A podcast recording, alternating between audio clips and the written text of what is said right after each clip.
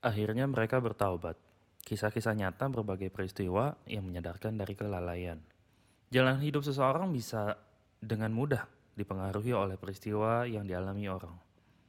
Betapa banyak ayat Al-Quran yang menganjurkan kita untuk mengambil pelajaran dari kisah-kisah kehidupan. Tidakkah kalian berpikir? Tidakkah kalian melihat? Tidakkah kalian mengetahui? Banyak lagi pertanyaan sejenis yang diulang-ulang dalam Al-Quran. Intinya agar manusia bisa belajar keberhasilan dan kegagalan orang lain. Sebagai muslim, kita adalah orang yang paling berhak menuai pelajaran dari berbagai kisah di alam nyata ini.